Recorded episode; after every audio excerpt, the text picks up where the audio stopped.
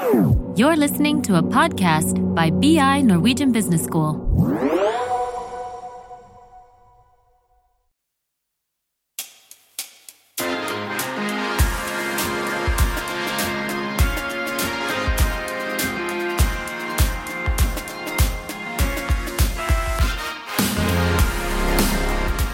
Visste du at kvinnelige gründere utgjør kun 21% av de som starter aksjeselskaper i Norge?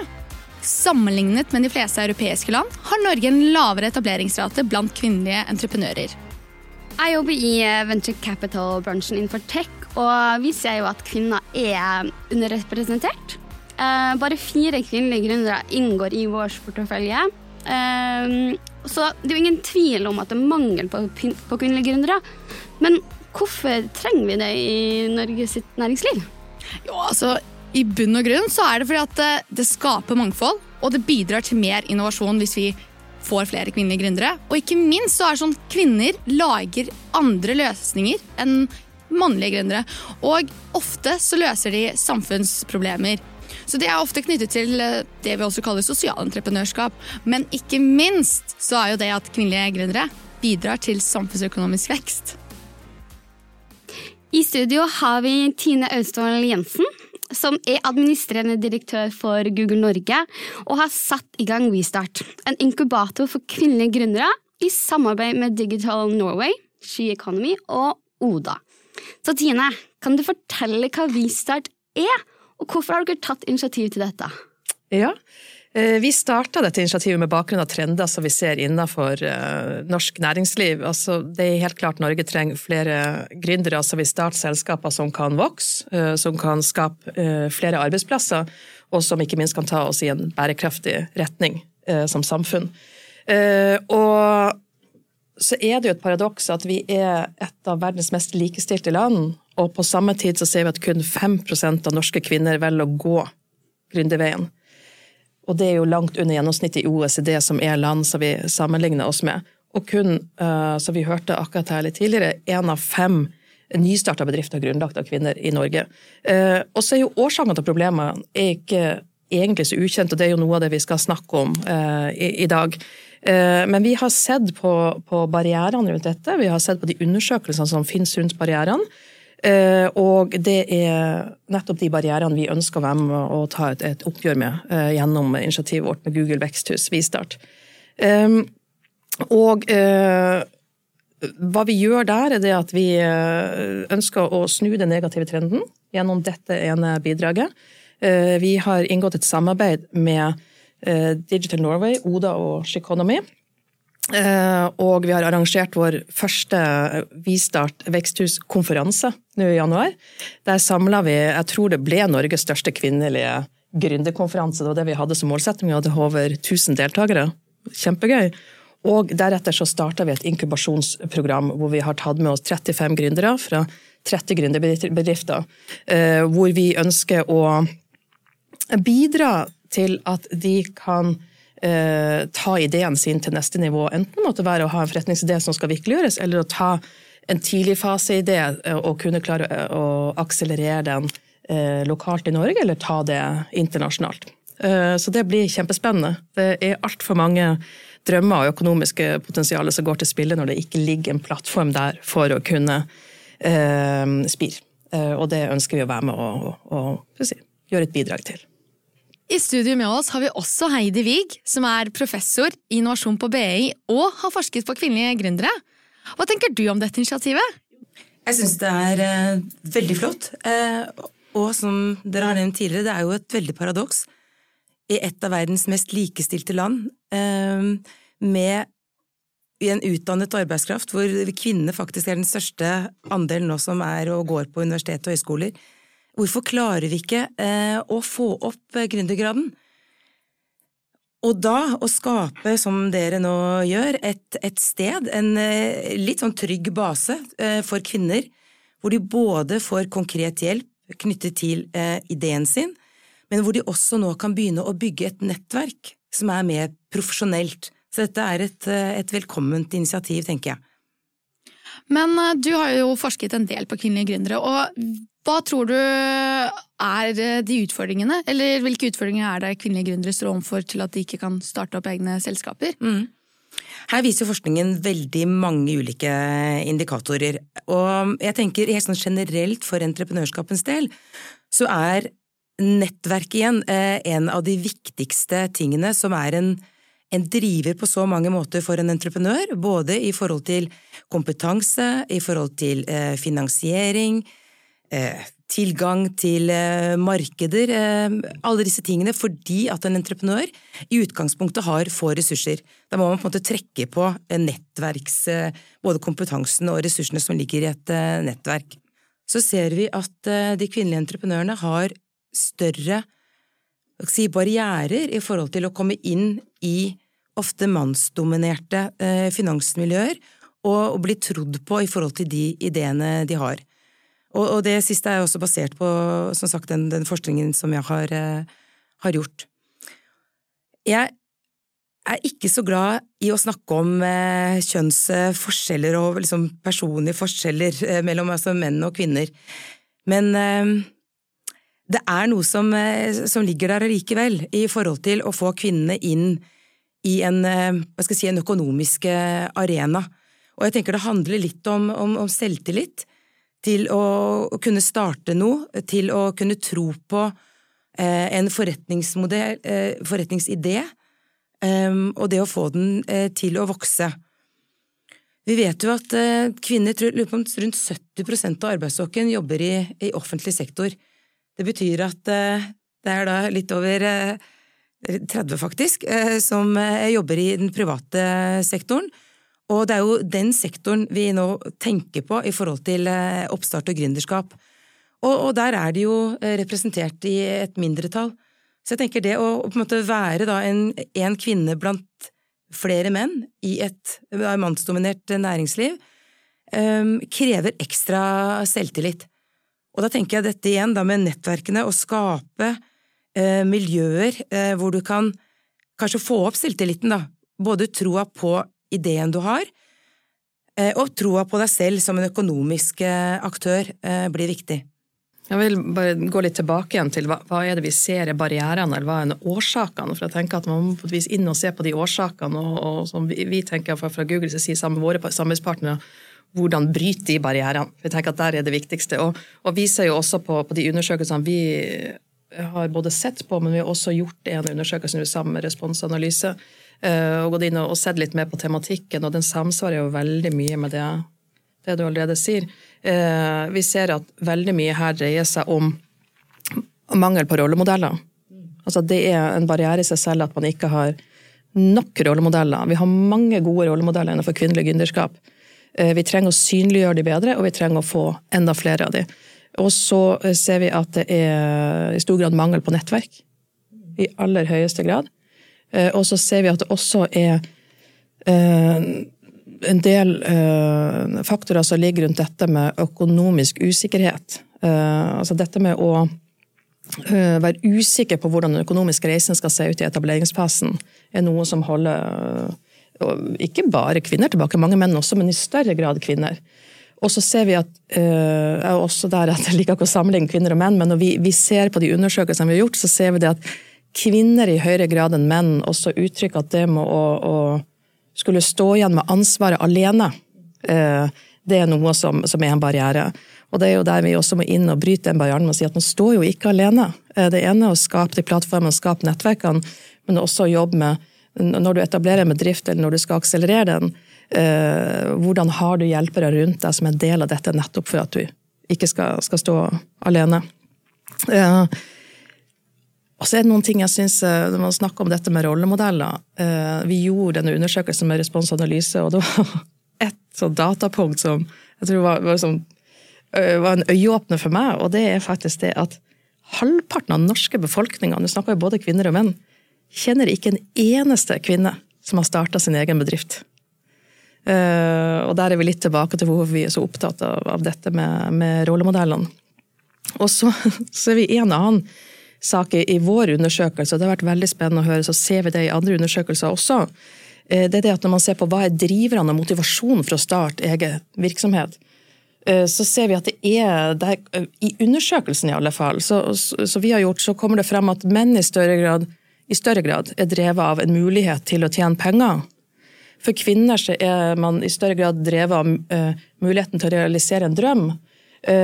Og dette med å være drevet av at det er for at man skal kunne tjene penger, det kommer ganske langt ned på lista for kvinner. Jeg tror det er på sjuendeplass i den undersøkelsen vi har gjort. Og den syns jeg er litt interessant, litt tilbake igjen til hvilke motivatorer er det som må ligge der for at vi, uh, vi skal kunne komme i gang. Synes jeg det er et annet interessant datapunkt også som vi ser på i, forhold til vårt program, det uh, i undersøkelsen vi også har gjort, det at yngre i større grad enn eldre har mindre tro på egne ferdigheter i forhold til det å starte egen virksomhet. Og vi ser også at det er en forskjell på storby og Distrikts-Norge, hvor man ser at det er en større eh, sannsynlighet for å starte egen virksomhet hvis du kommer fra utenfor storby. Så dette med rollemodeller er jo sikkert veldig, veldig fint, at mm. man kan se at det er faktisk noen som har lykkes eller fått til mm. eh, en bedrift eh, tidligere, og det er sikkert derfor det er veldig viktig for kvinner. Og så snakker dere også litt om det med, med forskjeller på eh, kvinner og menn. Veldig lite. Eh, men jeg tenker kanskje at det er jo kanskje positivt at vi er litt forskjellige for mangfoldet sin del da, mm. i en bedrift, og at man reflekterer den kundegruppa og det markedet man skal inn i da, som en bedrift. Um, men så um, Du nevnte jo også litt i, i stad om, om WeStart. Men hva tenker dere er viktig i WeStart, hva er det liksom dere vektlegger i mm. programmet? Mm. Ja. Det vi har gjort når vi har laga dette programmet sammen med samarbeidspartnerne våre, det er jo nettopp å gå tilbake igjen til årsakene og barrierene. Og så har vi tenkt at la oss fokusere på akkurat de, og la oss gjøre det så praktisk som mulig. Eh, så det vi har gjort, er at vi har satt opp et åtte ukers program, som vi nå akkurat har starta. Eh, vi tar deltakere gjennom ti moduler eh, med veldig praktisk og relevant kursing og opplæring i de temaene som er hovedbarrierene og årsakene. Det er uh, type tema som uh, hvordan validerer du din forretningsidé, eller hvordan lager du narrativet rundt forretningsideen din. Uh, du skal jo på en måte selge den inn skal til selge resten. Den, ja. Hvordan bygger du, altså fra forretningsidé, hvordan bygger du opp en virksomhet i seg selv? Vi skal ha økonomiverksted. For det kan jo sitte gründere der som har verdens beste idé, og har det meste som skal til, men kanskje ikke er utdanna eller kursa innenfor akkurat den basisøkonomidelen som man må ha for å kunne drive et eget aksjeselskap i, i Norge. Eh, vi skal i veldig stor grad også se på dette med, med hvordan sikrer du deg hjelp og midler. Eh, altså finansiering i seg selv. Hvordan skaffe deg investorer. Det er akkurat som vi snakker om, det er eh, krever i stor grad nettverk. Det er et veldig mannsdominert felt akkurat per i dag i Norge. Og hvordan liksom bryter man igjennom der? Hvordan klare å formidle og få troa på, på, ideen sin. Og så skal vi også jobbe med sånne type ting som hvordan bli mer komfortabel med selvpromotering. Eh, det er, forskning viser det. At uh, dessverre er det sånn så at, at, vi kvinner generelt ikke er like frempå alltid i forhold til å tørre å være selvpromoterende og være stolt av det vi faktisk kan og det vi har gjort. Der har Google igangsatt noe som heter I am remarkable, som var et internt initiativ hvor vi kursa kvinner eh, og andre grupper i, hvordan bli bedre på selvpromotering. Og det ble en så stor suksess at det har vi tatt eksternt. Så per i dag så er det faktisk 300 000 som har deltatt på det kurset over 150 land. Og det tenkte vi, det tar vi til Norge også, så skal vi se hvordan, eh, hvordan det går. Men, så vi, vi, går veldig praktisk til verks. Så har vi um, vi deltakerne forsøker å gi dem et veldig godt innblikk i hva det vil si å være gründer. Vi har fått med oss veldig mange fantastiske gode rollemodeller, etablerte kvinnelige gründere i Norge, som deler på sine erfaringer, sine refleksjoner. Og skal vi bidra til mye uh, nettverking også underveis. Det her virker som en utrolig god plattform for å både skape engasjement og flere kvinnelige rollemodeller, som er et utrolig viktig bidrag. Det handler også mye om et mindset. da. Å spre en idé om et mindset for entreprenørskap for kvinner, at her er det et mulighetsrom. Så jeg tenker det er viktig å, å tenke på. Heidi, du har jo forska på kvinnelige gründere i Kina. Kan du fortelle oss litt om dine funn?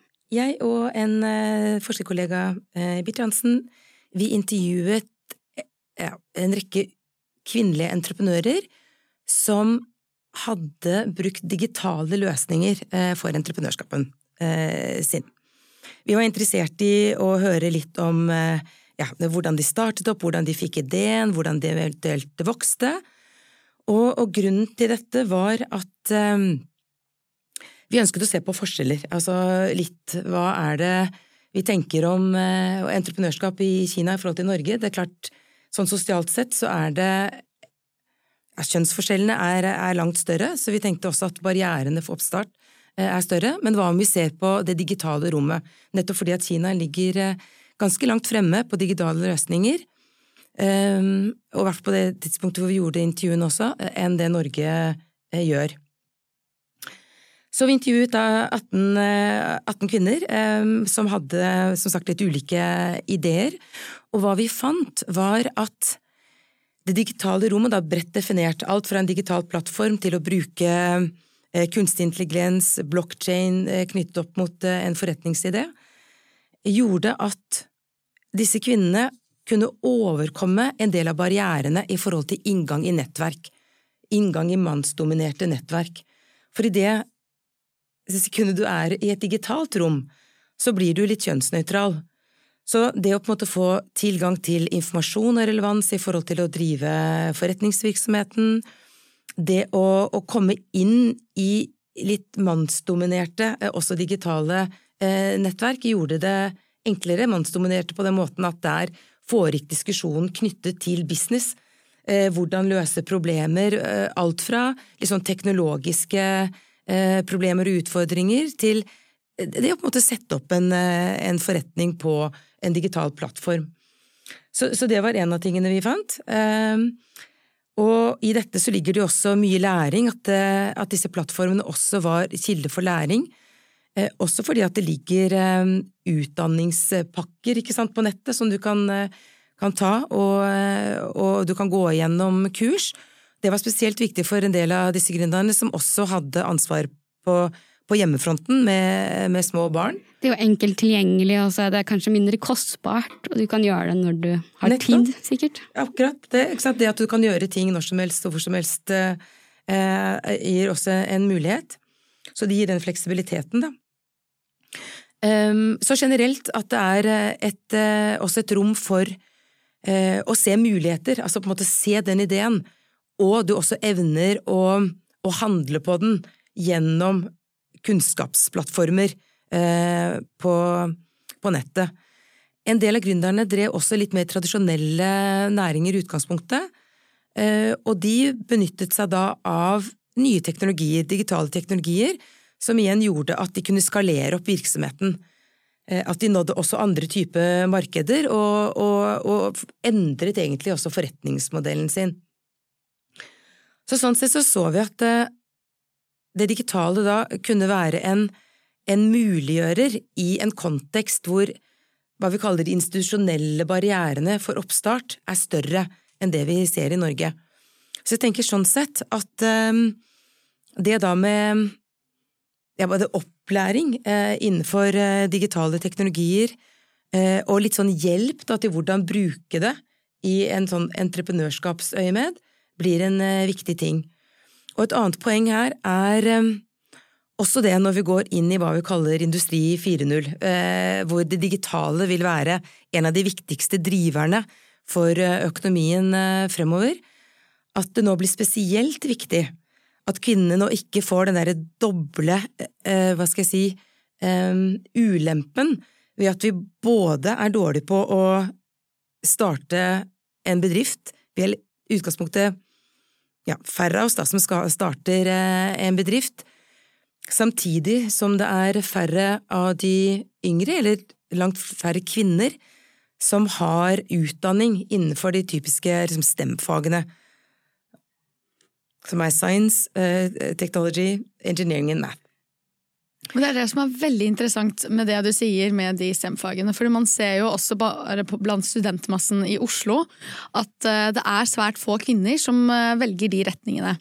At eh, kvinner velger frem, eh, heller mer tradisjonelle yrker, eh, mer eh, myke yrker, hvis man kan si det på den eh, måten. Og det er jo også barrieren til at få kvinner ender opp med å starte opp egne selskap. fordi at Ofte så tenker man ok, men hvis jeg går sykepleier, hvis jeg uh, går juss, da kan ikke jeg bli entreprenør, da kan ikke jeg starte opp noe eget. Og det er her jeg tror vi også er nødt til å gjøre en forandring. Men hvordan skal vi gjøre det egentlig, er jo det store, interessante spørsmålet.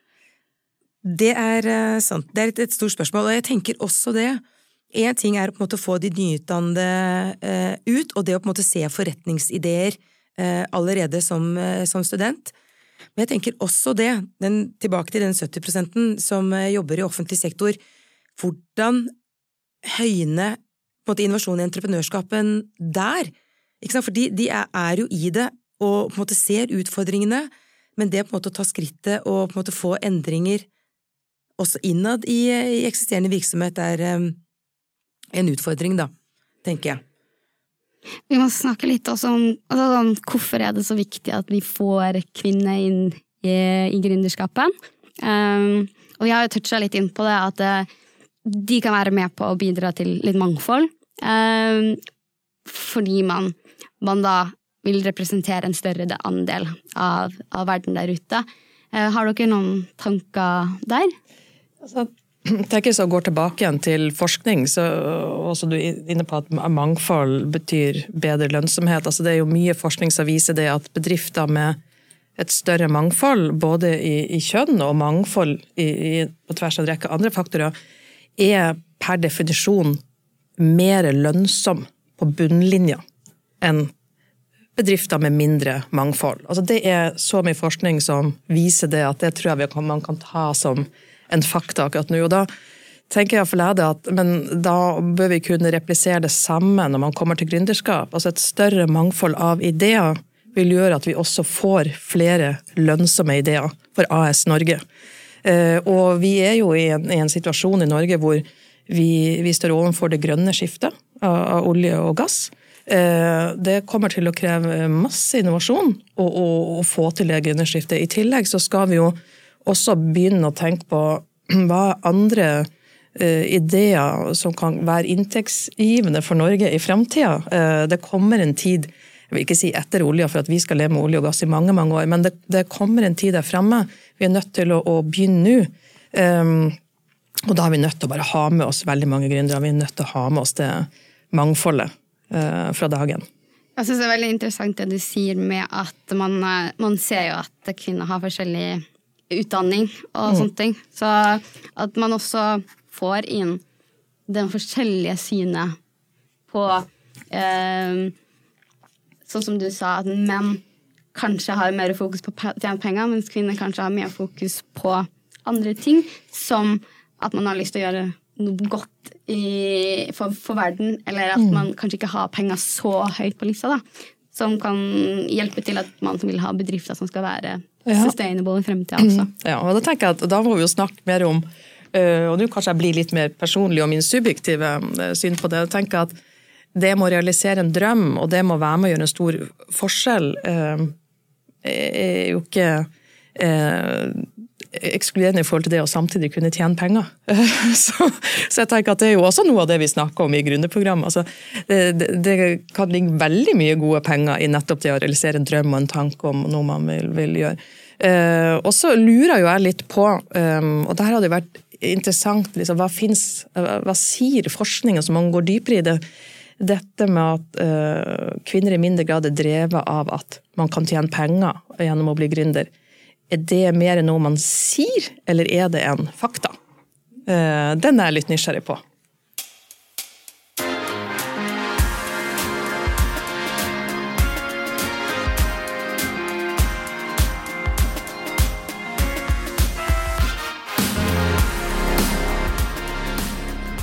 For å runde av dagens episode trenger Norge flere gründere.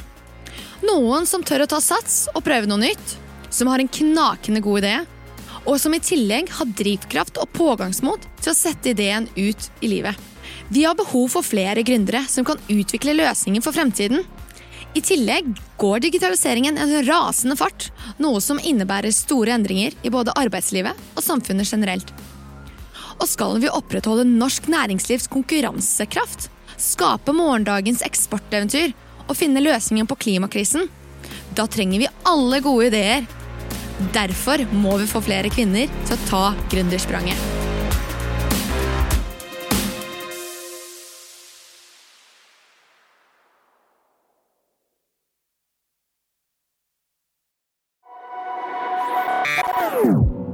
This is a BI production. Listen to more podcasts.